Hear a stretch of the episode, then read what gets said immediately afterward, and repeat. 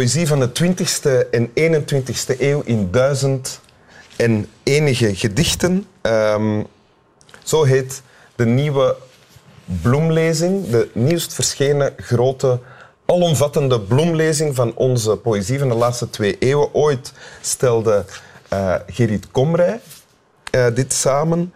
En nu is dit titanenwerk verricht door mijn gast van vandaag, Ilja Leonard Pfeiffer. Welkom in Winteruur. Dankjewel. Zowel namens mij als namens Boris de Hond. Als namens de mensen thuis. Ik ga hem al aan jou geven. En dank je voor het uh, werk dat je hebt verricht in het samenstellen. Ja, het was, uh, het was een groot avontuur uh, om het te maken. Ja. ja. Hoeveel, hoeveel, gedichten heb je gelezen om... Ik heb achteraf gereconstrueerd dat ik ongeveer 10.000 bundels heb gelezen en ongeveer een half miljoen gedichten. Oké. In het bestek van hoeveel maanden? Uh, er waren een paar heel intensieve periodes dat ik uh, in de Koninklijke Bibliotheek in Den Haag te gast was. Ja? Uh, maar dat heb ik telkens periodes van een week gedaan. Na een week word je er helemaal gek van natuurlijk. Ah, ja, ja. ja.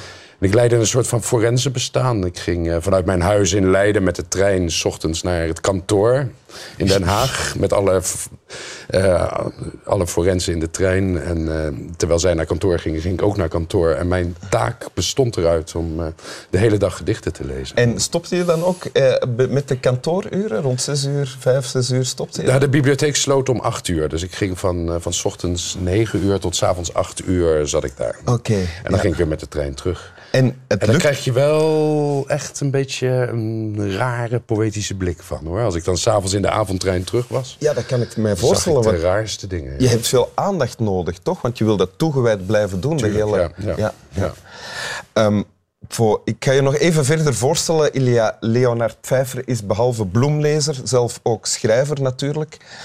Van zowel uh, gedichten als uh, proza, columns, toneelteksten, essays. Uh, je kan het zo gek niet bedenken als genre of u hebt, er, uh, u hebt het beoefend.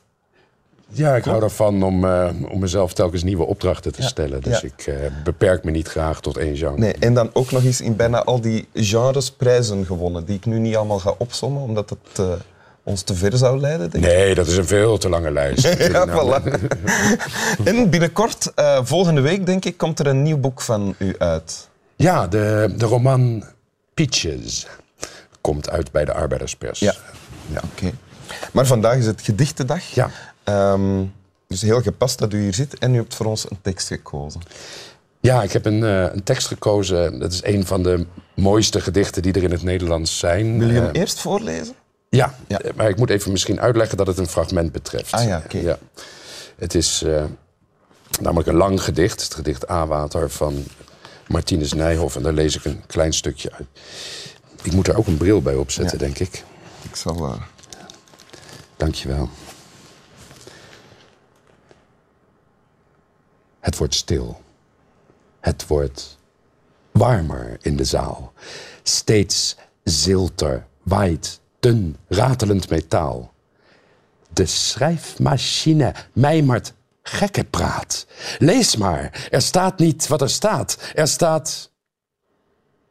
O moeder, nooit zult gij de bontjas dragen... waarvoor elk dubbeltje werd omgedraaid.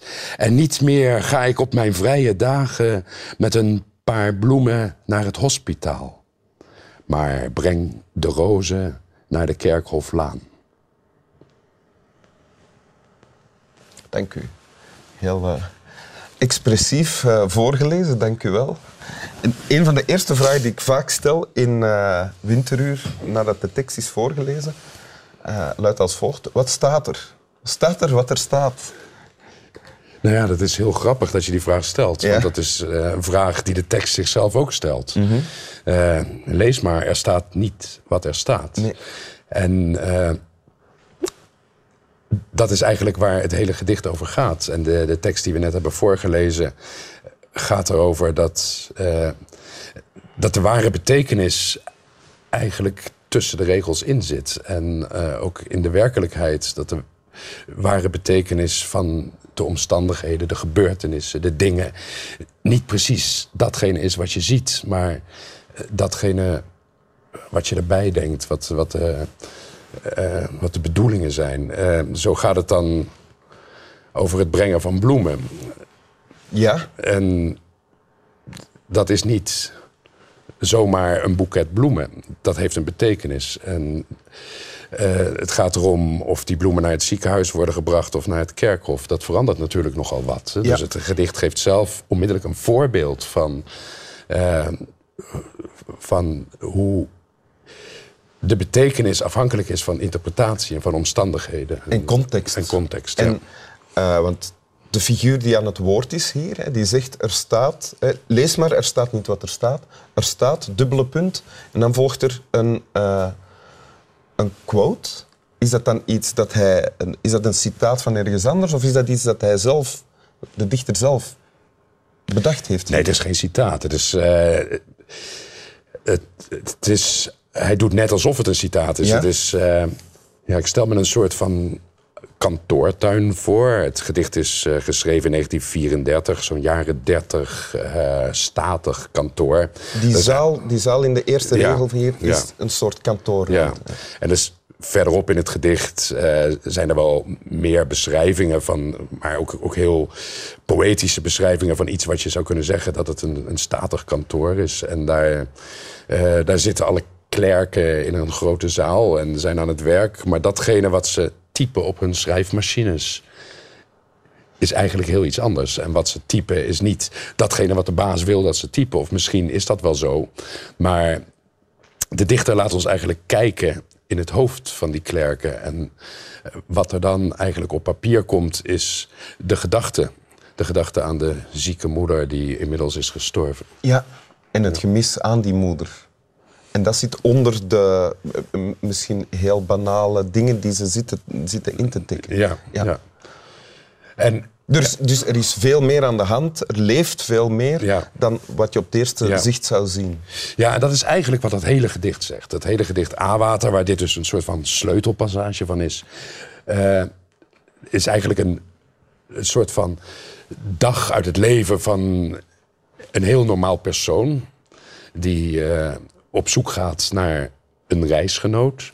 Eh, en er gebeurt eigenlijk niks opzienbarends. Al het opzienbarende gebeurt in het hoofd, in de kijk op de dingen, in alles wat je erbij verzint. En zo wordt eigenlijk een hele alledaagse dag een onvergetelijk avontuur. En het wordt ook heel spookachtig en, en- en enigszins naargeestig ook. Maar dat heeft allemaal te maken met wat zich in het hoofd afspeelt en niet met, eh, met datgene wat zichtbaar is. En is dat wat u ooit trof aan dit gedicht toen, toen u het voor het eerst las? Ja, en het is, Is eigenlijk. lang geleden? Ja, ik, ik ken dit gedicht al heel lang. Dit is al heel lang een van mijn, eh, mijn lievelingsgedichten. Ja. Ja, wat ik er heel prachtig aan vind, is ook dat het elusief is. Hè? Het ontsnapt telkens precies. Je kan het niet precies... eh, Vastpakken. Ja, je kan het niet vastpinnen op het moment dat je denkt... dat je het gedicht kunt vertalen in een eenduidige interpretatie... ontsnapt het weer. Ja. En, eh, en het is eigenlijk een van de... Een van de eerste echt moderne gedichten in de, in de Nederlandse poëzie. En stel ik me dan voor dat de, de jonge Ilia Leonard Pfeiffer op zijn... Ik weet niet hoe oud u was, misschien 16, 17? Ja, Of jonger? denk ik. Ja, nee, Ja. ja. nee zo rond Dit mijn las- zestiende las ik dit soort dingen. En ja, daardoor getroffen werd en dan... Ja, ik begreep er helemaal niks van natuurlijk. En ik Oh, begreep er nu natuurlijk ook. Ik begrijp er nu eh, misschien iets meer van, maar nog, nog lang niet alles. Maar ook al snapte ik er niks van, wist ik wel één ding zeker: dat het iets heel belangrijks was, iets heel fascinerends was. Ja. En heeft dat jou mee aangezet om te schrijven dan? Ja, of deed je dat ja. al voordien misschien? Nee, dat heeft wel mij aangezet om te schrijven. Ja? En, ja, het was eigenlijk. eh, ik vond dat soort boeken, poëzie, vond ik in de boekenkast van mijn vader. Die eh, was leraar Nederlands. En eh, ik was als puber, zoals een puber geacht wordt, erg verveeld. En op zoek naar afleiding ging ik dan in die boekenkasten snuffelen. Ja. Ik ging natuurlijk op zoek naar, eh, naar vieze boekjes met seks erin. Maar in plaats daarvan vond ik dichtbundels. Internet bestond nog niet natuurlijk. Nee, Anders was het misschien En- helemaal anders gelopen. Dan was het heel anders. ja. En toen ik in aanraking kwam met dat soort... Ja, ik begreep er niks van, maar ik wou het ook. En ik ging dat ook... Mijn, mijn eerste pogingen om gedichten te maken... is eigenlijk pure imitatie. Dat is dit Ah, soort ja. dingen namaken. En maar is dat nog altijd onder andere wat u drijft in uw schrijven? eh, iets, zeker als u poëzie bedrijft, iets doen gebeuren, iets laten zien van wat er onder leeft? Of wat er rond allemaal leeft? Ja, nou, wat je probeert als je poëzie schrijft is eh, om de taal op zo'n manier te bezielen dat datgene wat je zegt de lezer of de toehoorder raakt op een manier zoals het niet eerder eh, is gebeurd. En dat je misschien voor een korte duur, voor de moment van één gedicht, eh, de lezer net even scheef kan zetten, net even een andere kijk kan bezorgen op de dingen. Ja, Ja. ja helder. Een gedicht dat alles bevestigt, zoals je denkt dat het is, is misschien niet zo'n goed gedicht. Dat is niet zo interessant. Je zoekt juist altijd die frictie, dat scheve. Ja. Wil u het nog eens voorlezen? ja. Uit A-water van Martinus Nijhoff. Het wordt stil. Het wordt warmer in de zaal. Steeds zilter waait dun ratelend metaal.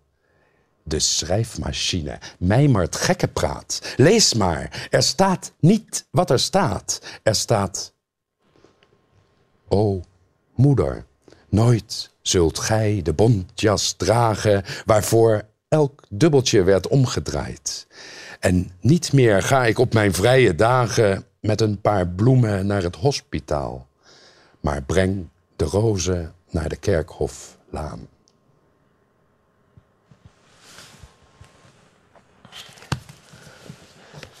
Dank u wel. Jij bent er. Slaap wel. Zo eindigen we dit programma. We zeggen nog slaap wel aan de mensen thuis. Slaap wel. Ja. Maar dat is misschien een woord dat u normaal nooit gebruikt. Slaap wel. Wel te rusten, zou ik zeggen. Ja.